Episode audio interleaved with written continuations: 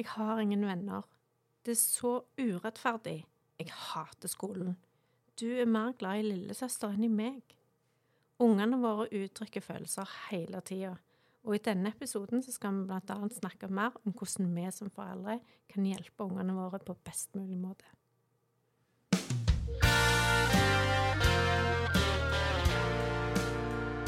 Fuspoden. Her hos oss kommer barna først. Hei og velkommen til en eh, flunkende ny episode av eh, FUS-boden. Jeg heter Marius og er fremdeles firebarnspappa og fast invitar her i FUS-administrasjonen. Med meg så har jeg som vanlig vår eh, eminente og fantastiske fagdronning Charlotte. Hei til deg. Hei. Og i dag så er vi så heldige å ha fått besøk av Anne Hilde Vassbø Hagen. Og Anne Hilde hun er psykolog og daglig leder ved Institutt for psykologisk rådgivning i Bergen. Og har milevis erfaring med bl.a. relasjonelle problemer, emosjonsfokusert parterapi, familieterapi og foreldreveiledning. Og hei til deg også, og velkommen til deg, Anne Hilde. Hei, hei.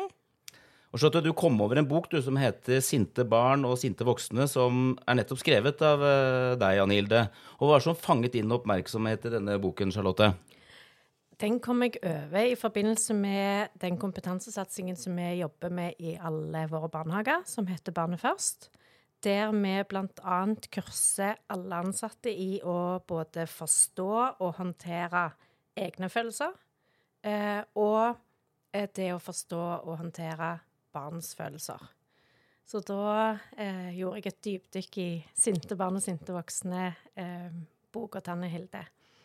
Og du har jo skrevet flere bøker om følelser, og hvordan vi kan både forstå dem og håndtere dem. Eh, og den siste boka di, 'Superkraften i alle foreldre', det er den som liksom skal være tema i dag. Eh, og fortell, hva er denne superkraften som alle foreldre har? Ja, eh, det vil jeg veldig gjerne fortelle om.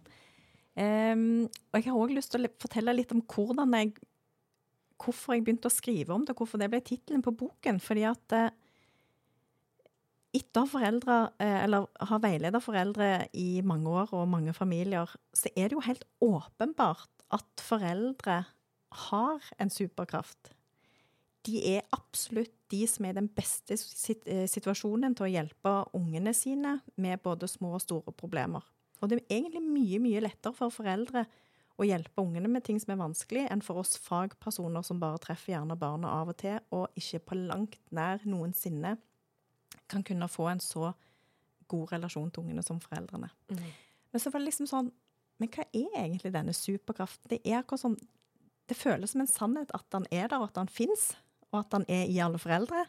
Men hva er det egentlig? Så ble jeg litt sånn opptatt av å prøve å definere det ordet, eller definere den kraften. Så det jeg har kommet fram til etter en del refleksjon, og det jeg skriver om i boken, det er at han består av tre ting. Og det er at han består av kjærlighet, dyp kjærlighet til barnet, og at han består av eh, kunnskap om barnet. Foreldre har en kunnskap om sine egne unger som ingen andre har. Altså, vi har sett de hver dag, eh, stort sett hver dag i hvert fall, gjennom hele livet deres. Vi har lest små og store signaler som de sender ut til oss, vi har prøvd å forstå de. Så det er akkurat som om vi har en sånn kunnskap om de som bare sitter i nervesystemet og i hjernen og i marg og bein. Ehm, og så er, er foreldre ekstremt motiverte for å hjelpe ungene sine. Det er ingen andre som er så motiverte for å hjelpe noen enn det foreldre er i forhold til å hjelpe egne barn. Så det er en sånn utrolig sterk driv i foreldre til å sørge for at ungene har det bra. Ehm, så det ble på en måte litt sånn eh, eh, innholdet i, i superkraften. Mm. Kan, den superkraften altså Noen ganger så, så I hvert fall de som har hørt denne podkasten her før, de vet jo at eh, jeg kan jo noen ganger bli altså, litt sinna på, på disse småtassene. Um, og da føler jeg at jeg mister den kraften litt, da. Ja. Ikke sant? Ja. Altså, hvordan, altså jeg mister, får dårlig selvtillit Ja, altså på at jeg mister den superpappakraften. Ja. Um, tror du det er eh, normalt, eller tror du Altså, jeg får litt dårlig samvittighet, jeg, da. Ja. Og så føler jeg at jeg har ikke noe sånn kraft, jeg. ja. Jeg er borte, den. Og det er super, super, super vanlig. Så veldig ofte så føler vi oss ikke så supre, Mm. og veldig ofte så mister vi akkurat som òg litt kontakt med den superkraften. Em, og min jobb som foreldreveileder er jo å hjelpe foreldre å gjenfinne den kontakten med den superkraften som ligger der. Selv om vi plutselig kjenner at nå orker jeg ikke å hjelpe mer, eller nå resignerer jeg, nå klarer jeg ikke mer, jeg greier ikke å finne ut av hvordan jeg skal gjøre dette, så ligger likevel motivasjonen til å hjelpe barnet der. Det er bare at det dukker opp en konkurrerende motivasjon. Det dukker opp noe som gjør at det er et eller annet med mine følelser som foreldre som kommer i veien, og som gjør at jeg mister f.eks. barnet mitt litt av syne. Men det betyr jo ikke at jeg mister kunnskapen om dem, eller at jeg mister motivasjonen eller kjærligheten til dem, selv om det kan kjennes sånn ut i øyeblikk. Så det handler på en måte mye om å eh, Når vi vakler i foreldrerollen, så, som vi alle gjør Mm. eh, Kjenner meg veldig godt igjen i det å være en sint mamma. Jeg er en sint mamma. Eh, jeg blir ofte kjeftete og masete og sier ting jeg ikke skulle ha sagt. Eh, så vi vakler alle sammen, og vi vakler uansett hvor mye psykologkunnskap vi har, eller hvor mye kunnskap vi har om barn og foreldre. Men vi mister aldri den kompetansen som vi har på vårt eget barn. Nei, den er iboende, på en måte? Den er iboende. Vi mister bare kontakten med det. Men det går an å koble seg på ungene våre igjen ved å akkurat som nesten som koble oss på dem på innsiden vår. Men det krever på en måte at vi eh, Det å liksom aktivt koble oss litt sånn på igjen, og, og få tak i den kunnskapen om de som vi har, eh, det krever jo litt sånn litt ro, og at vi, at vi er litt rolige. Så det er vanskelig å få til når du står midt oppi en krevende situasjon. Mm. Så da er det veldig mange av oss som mister eh, kontakten med superkraften. Det går fort tilbake igjen, da. Den kan komme fort tilbake, og noen ganger så kan det kjennes ut som at man mister den i en lengre periode, og det er jo veldig, veldig vondt for oss foreldre. Mm. Altså det å føle at vi mislykkes i foreldrerollen er jo utrolig smertefullt. Um, ja, både, både det å få dårlig samvittighet for å føle at vi kanskje feiler og gjør mye feil sjøl, men òg hvis vi bare kjenner at vi, at vi er maktesløse, at det, at det kjennes ut som om jeg vet ikke hvordan jeg skal kunne hjelpe barnet mitt med det barnet mitt står i akkurat nå. Eh, Det kjennes ut som jeg ikke har kompetansen. Ja, den er jeg kjent på noen ganger, ja. Mm. Kompetansen på det. Mm. Hva kan foreldrene gjøre, da, tenker du, for å komme i kontakt med superkraften sin igjen?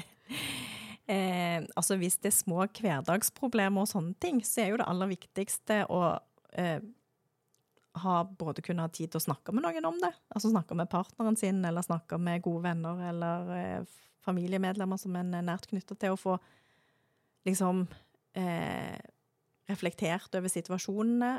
Og òg ta vare på egne behov. Altså òg på en måte søke eller en sånn støtte for at nå står jeg i en jævlig skinkig situasjon. Jeg vet ikke helt hvordan jeg skal løse det, og jeg føler meg inkompetent. Altså Da trenger en òg støtte og omsorg fra andre. Så både søke støtte og omsorg, men òg å reflektere over og snakke om eh, det som er vanskelig. Mm. Det er i hvert fall én ting det går an å gjøre. Ja. Også hvis det er skikkelig vanskelig, så går det jo an å oppsøke mer sånn hjelp og få eh, veiledning, eksempel. Mm.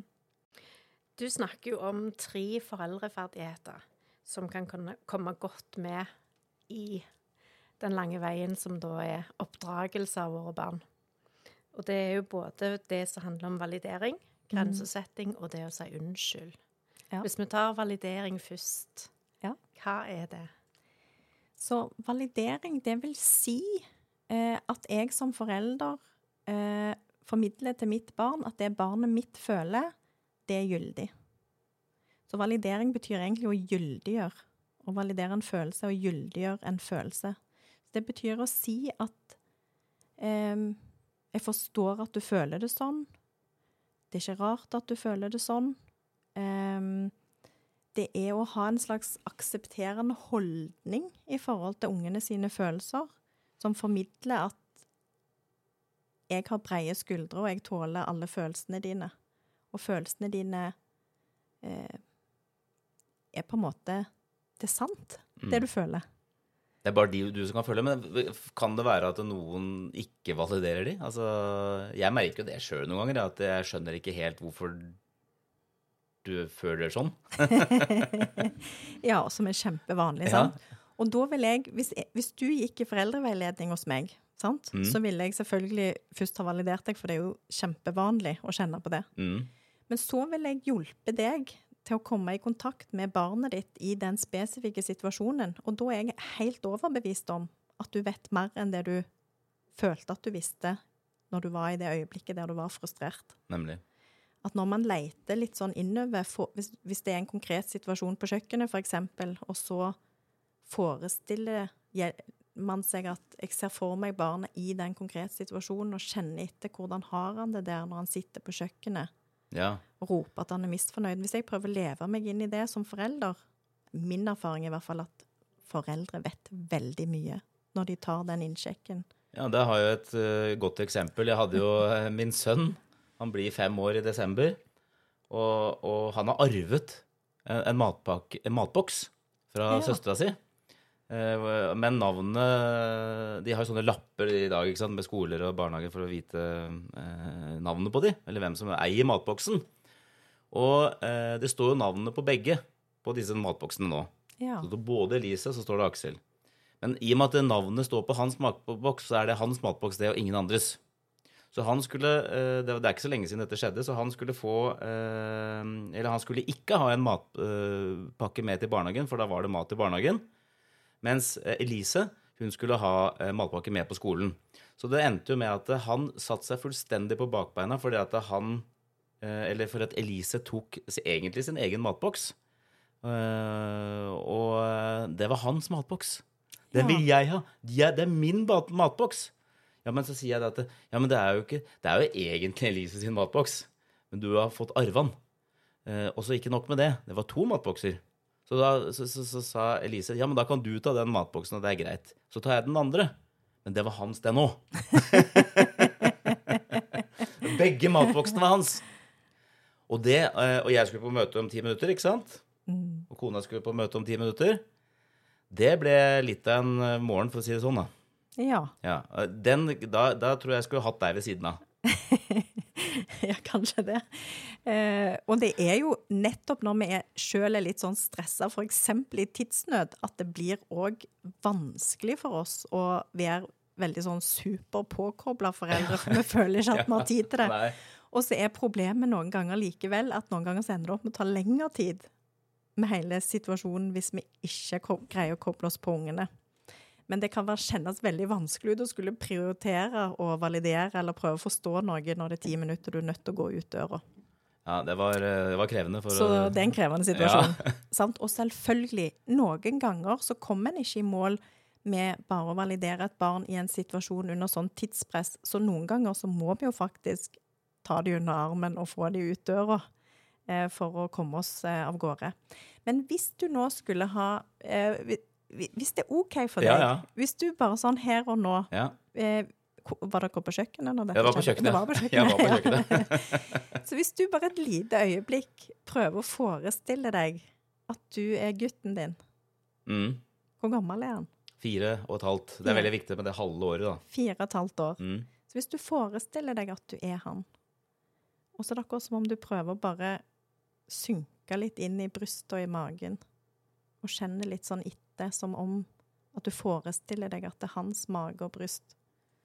Hva er det du kjenner på? Ja, nå, luk, nå lukker jeg øynene, så nå Ja. er jeg fire og et halvt år, jeg, altså. Ja, Mm. hva kjenner du på som han? Hva er det som er vanskelig i denne situasjonen? Jeg veit ikke.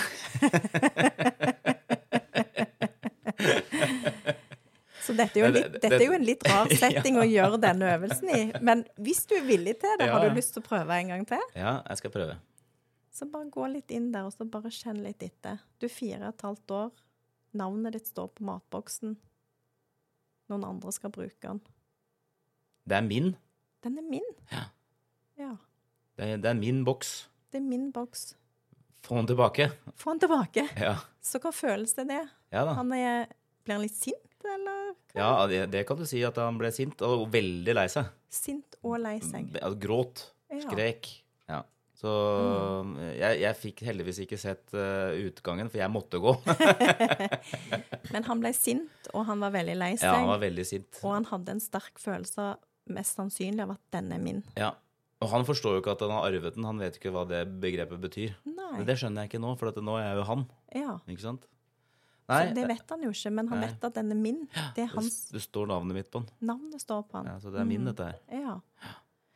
Så hvis du i den situasjonen skulle ha prøvd å ba bare formidle at følelsen hans er gyldig, istedenfor å bli opptatt av å løse problemet eller Mm. fikse hva matboksene skulle ende opp med, som jo veldig ofte er der vi går, for vi trenger jo òg å løse problemet når vi skal ut døra. Ja. Men hvis en skulle gått eh, til følelsen og til validering og prøve å gyldiggjøre følelsen hans, så kunne det kanskje ha vært å sagt noe sånn som at åh, dette ble så dumt. For det er jo din matboks, og, og den har du lyst til å ha. Og så kjennes det så dumt ut at hun skal bruke matboksen. Og så vet jeg ikke Det høres, høres ut som du både blir litt sint, og så blir du òg litt lei deg. At det ble litt sånn trist. At ikke du skulle få ha med deg din matboks Mm. i dag. For den er jo du vant til å ha med deg hver dag. Noe sånn som det kunne vært et eksempel på en validering. Og så er det ikke sånn at valideringer alltid virker på den måten vi håper, eller virker fort nok. Nei. Sant? Men Jeg har prøvd sånne ting, jeg òg, altså. ja. Men når vi validerer, så er det mer sannsynlig at barn em, blir mer samarbeidsvillige. Eh, og eh, blir mer innstilt på å være med og løse problemet. Fordi at hvis de føler at pappa, Hvis han føler at pappa ser meg, pappa skjønner hvor dumt dette er for meg, så kan det være han blir Det er mer sannsynlig at han sier 'hun kan bare ta matboksen'. Jeg tror, jeg tror det du sa nå, mm, eller den setningen du sa nå, den, den er ny å prøve. Fordi at eh, jeg har, jeg har nok hørt noe av det tilsvarende før, men, men, men eh, For jeg er blitt veldig god, nemlig, i løpet av disse sesongene, å, bli, å si at eh, jeg skjønner at du, at du blir lei deg. Men kanskje man skal si litt mer om hvorfor også. Du trenger å si mer. Ja, Jeg, tror, jeg, tror, jeg, tror si, jeg tror det er læringen i dag, at jeg må si mer, ikke bare at jeg skjønner at du er lei deg. For hvis du sier 'jeg skjønner at du er lei deg', så er det akkurat som det er en litt lettvint løsning. Jeg bare sier at jeg skjønner, men jeg viser deg ikke Mm. at jeg skjønner. Ja. Men hvis du sier ehm, 'det er ikke rart at du blir sint når hun tar den', fordi den er jo din. Navnet ditt står på den. Mm. Du pleier å ha den med deg i barnehagen hver dag. Selvfølgelig kjennes det dumt ut at hun skal ha den. Så er det akkurat som om du eh, ikke bare sier at du forstår, men du viser at du forstår. Så da er det akkurat som om det blir en enda større grad av gyldiggjøring av følelsen hans. Mm. Og når barn føler seg sett og forstått, hvis han føler at pappa skjønner at jeg blir sint, og at jeg blir lei meg for dette, så er det akkurat som istedenfor at han da prøver å overbevise deg om hvor dumt det er, så blir han mer i et modus Mm. for å finne en løsning sjøl. For han har jo heller ikke lyst til å sitte på eh, kjøkkenet den morgenen og skrike og være lei seg og være sint. Nei, han satt under bordet. Under bordet. Mm. Ja. Mm. Det var ikke noe moro. Sant? Og det som skjer noen ganger i sånne situasjoner, det skjer i hvert fall hjemme hos meg, Mm. det er jo at når jeg blir utålmodig og gjerne eh, blir litt streng i stemmen og begynner å bli litt sånn Men kom igjen, nå må vi bare Nå skal vi ut døra, kom igjen! Og hvis barna mine da allerede er på et litt sårbart sted, der de egentlig er litt lei seg, Tar det bare lengre tid, kanskje? så tar det bare lengre tid. Ja. For da kjennes det ut som at de får kjeft i tillegg. Mm. Og det kan kjennes ut som at jeg ikke er så glad i de akkurat den morgenen. Og så får de i hvert fall ikke lyst til å gjøre som jeg sier. Nemlig. Gir det mening? Ja, ja, ja, ja. Definitivt. Ja, altså, uten tvil. Det, det er jo nesten som å være hjemme hos meg, dette her. Så har du jo, snakker du jo videre i boka di det om å sette grenser òg. Ja. Og det er jo noe vi gjør som foreldre Det gjør vi hele tiden. stadig vekk. Og det dukker opp mye konflikter når vi setter grenser. Mm. Ja. Mm. iPad, eh, TV. iPad, ja. Mm. Men òg denne situasjonen på kjøkkenet. Det er jo òg en grensesettingssituasjon, Ja, ja, ja. ikke sant? Mhm. Det, skal, det, skal jo, det må jo løses for at man skal komme ut døra, hvem skal ha hvilken matboks, og osv. Mhm. Mm. Du har noen sånn litt sånn oppskrift på, eller noen sånne sjekkpunkter i forhold til det med grensesetting? Hva? Altså, noe av det aller viktigste å vite om i forhold til grensesetting, det er jo mer bevisst foreldre er på at følelser er noe annet enn atferd, jo lettere blir det å få til grensene. For vi kan alltid gyldiggjøre følelsen. Vi kan alltid si at det du føler akkurat nå, det er gyldig. Og samtidig sette grenser for atferd. Så det at vi validerer følelsene, betyr ikke at vi Det betyr for så vidt heller ikke at vi er, nødvendigvis er enig i følelsene for der vi validerer de. Men det betyr heller ikke at vi er enig i atferd. Mm. Så vi kan både validere følelser og sette grenser for atferd. Så det er noe av det viktigste. Og så er det at følelser, altså grenser og grensesetting, det handler òg veldig mye om følelser. Fordi at når du tar følelser ut av ligningen, så er det veldig lett å sette grenser. Eh, grensesetting høres ut sånn som dette. Det blir denne matboksen i dag. I dag er det søsteren din som skal ha denne matboksen. Nå må vi gå og Nå skal du kle på deg. Nå går vi på gangen. Nå må du ta på deg skoene. Sånn høres grensesetting ut når ingen følelser er med. Er nøytralt, enkelt og greit, og det er lett å si, og det er lett å stå i det. Men det er masse følelser i spill eh, når, i grensesettingssituasjonene. Det er ungene sine følelser, og det er våre følelser. Men det, akkurat det eksempelet du sa der, Ja. jeg følte at det var litt sånn det blei sagt hjemme den dagen. ja. Eh, og det aksepterte jo ikke han. Nei, og det Nei. kan være at han ikke aksepterte det fordi han ikke ble sett i følelsene. Ja, at Hvis jeg hadde gjort det først Ja, Ja. ja. Mhm. Så poenget mitt Eureka. er Det er masse følelser i spill. Så eh, eh, hvis vi har tid, hvis det er mulig, hvis ikke det er en kritisk situasjon der vi bare er nødt til å gå inn og sette grenser med en gang, som f.eks. hvis ett barn slår et annet barn, ehm, så er det veldig lurt å validere først. Og først på en måte vise at jeg forstår at dette ble vanskelig for deg, eller jeg skjønner at du er lei deg fordi Eh, eller ikke rart du ble redd, dette var så skummelt. Hvis du validerer først, så får du et mye mer samarbeidsvillig barn rundt grensene. Sånn at det, veldig mange foreldre tilbakemelder at når de begynner å validere barns følelser, så trenger de ikke å stresse så mye mer med grensene, at grensene går litt mer av seg sjøl. Mm. men samtidig så er det jo noen ting i forhold til selve grensesettingen òg som kan være lurt eller mindre lurt å gjøre. Um, så det ene er å validere først, og, eller ta en vurdering på om du i det hele tatt har tid til å validere. Validere først. Og så når du skal sette grenser, så er Nå må vi bare selvfølgelig ta høyde for at dette går ikke alltid an, så kan vi snakke om det etterpå. Men det beste er å være mest mulig nøytral. Ikke still det som et spørsmål. Har du lyst til å gå og ta på deg skoene nå? Det er ikke en god måte å sette grenser på. Det er bedre å si nå skal du gå og ta på deg skoene. Mm. Så det å ikke stille spørsmål hvis, hvis det egentlig ikke er rom for å påvirke fra barnets side, eh, ikke si det som en kommando, som er altfor sånn streng og hard, men heller ikke si det nølende, eller som om du er litt redd for å si grensen, fordi du er redd for at barnet skal bli sint, og at det skal bli en vanskelig situasjon. Så mest mulig Nøytralt, da. nøytralt. Mm. Det er den beste måten å sette grenser på. Og så er det jo òg viktig å ha etablert en slags kontakt med barnet eh, før en sier selve grensen.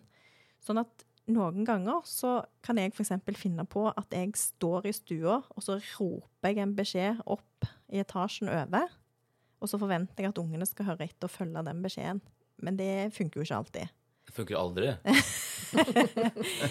Sånn at det, det er mye lettere å gi en beskjed, implementere en regel eller overholde en regel eh, hvis vi har etablert en kontakt med barnet. Så veldig ofte så trenger vi litt mer sånn fysisk nærhet, at vi faktisk er i samme rommet og kanskje er litt eh, inntil de.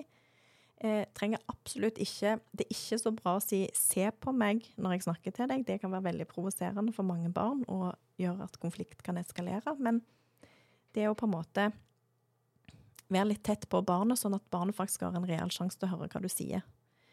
Um, det er viktig. Og så er det en, en ting som er utrolig viktig, men som er veldig vanskelig, og det er å sette grenser uten at vi samtidig dømmer barnet. Uten at vi samtidig har med litt kritikk. Ja, den kjenner jeg meg litt igjen Som for eksempel Har du ikke gjort leksene? Ja. Du skulle jo gå ut med hunden, kan du gå nå? Åh, alltid skal du. Eh, nå må du få på deg de skoene. Hvis vi serverer grensen sammen med kritikk, så er det sånn at barnet ofte ikke helt nødvendigvis hører grensen. De hører kanskje på en måte hva du sier, men de blir mest opptatt av kritikken og blir mest berørt av den. Sånn at da kan de bli sure eller føle seg såra eller bli lei seg eller bli skremt hvis du er veldig brå eller snakker veldig høyt. Em, sånn at da blir det en vanskelig grensesettingssituasjon.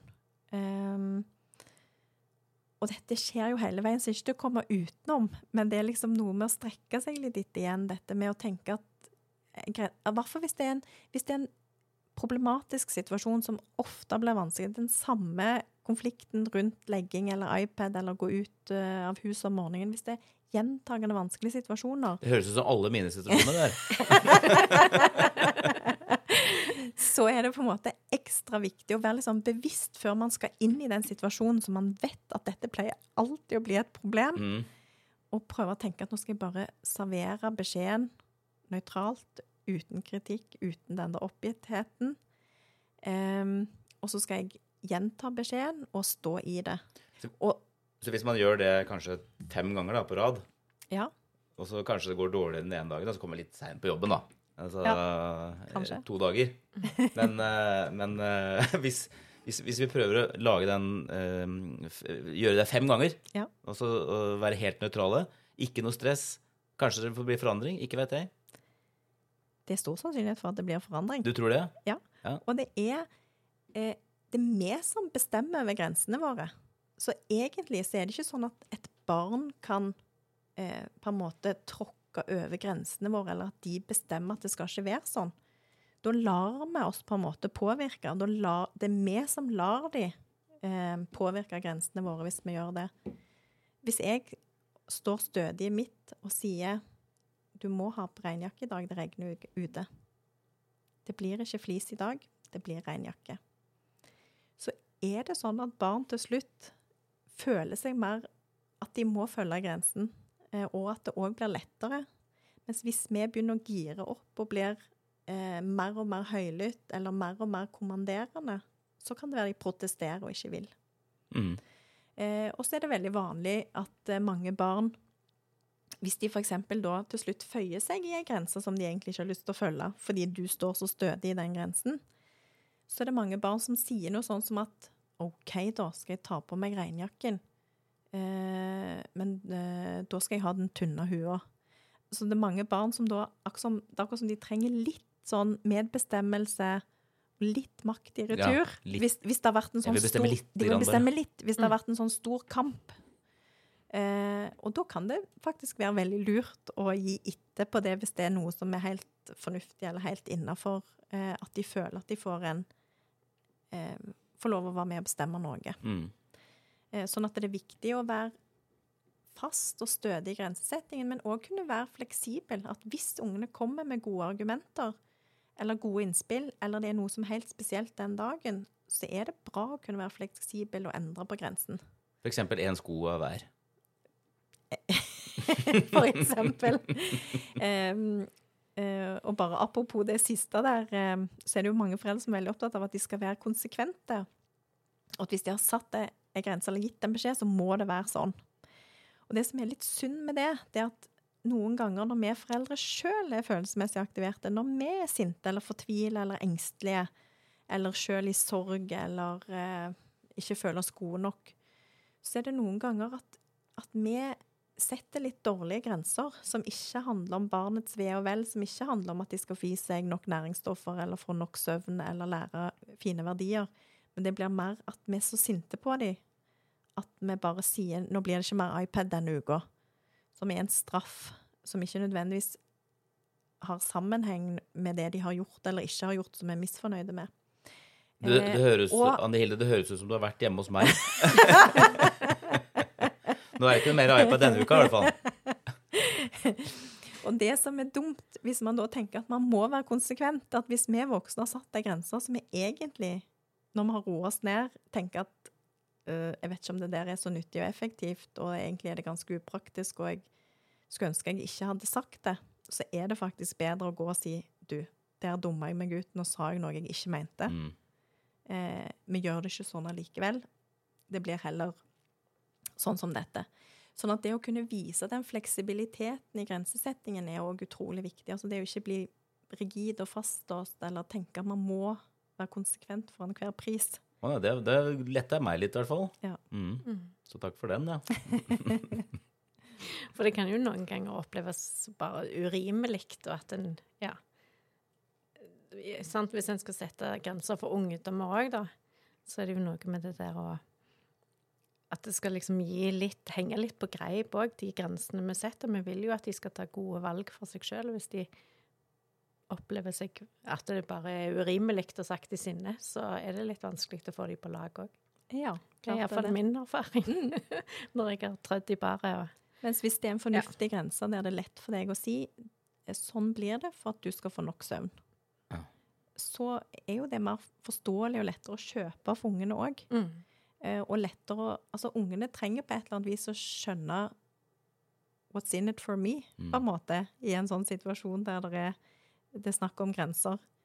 Eh, og selv om ikke alle barn og unge tenker at det er like viktig med søvn, så kan de i hvert fall skjønne at det handler om de, på et eller annet vis, da, den grensen. At det handler om de, eh, hvis vi forklarer hvorfor de ikke får lov å ha telefonen eller iPaden med seg opp i senga når de skal legge seg om kvelden, f.eks. Det er det veldig mange som vil ha, vet du. iPad i senga. Mm. Så der er vi satt grense, da. Ja. Mm, så den begynner å bli bra. Ja. Sånn etter åtte er det ingen iPad. I hvert fall på hun eldste. da. Ja. For da skal man sove med en halvtime eller time. Mm. Og så hender det at det går litt over grensene, men da inndrar jeg den iPaden en, en uke eller to ikke sant, etterpå. Men ikke etter denne Nei. Nei, ikke det. Nei, men den, den kommer fort tilbake igjen, den, eh, den, den regelen. da. Så det var bra du kunne si at det kan gå an å endre på.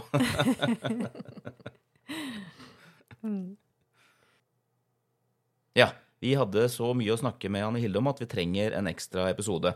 Allerede neste uke så får du mer råd fra Anne Hilde om bl.a. kunsten å si unnskyld på en måte som virker. Ja, for det går an å si unnskyld til barnet når det har gått en kule varmt, selv flere dager etterpå. Hva skal du egentlig si når barnet sier at det hater deg? Følg med neste uke for siste episode med Anne Hilde. Den vil du ikke gå glipp av. Ha det bra så lenge.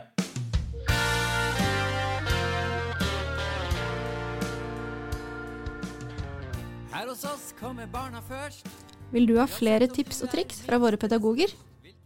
Følg oss på Instagram. Du finner oss under at fus-barnehagene. Der får du hverdagsmagi, foreldretips og andre viktige temaer innen barns oppvekst. Vi høres!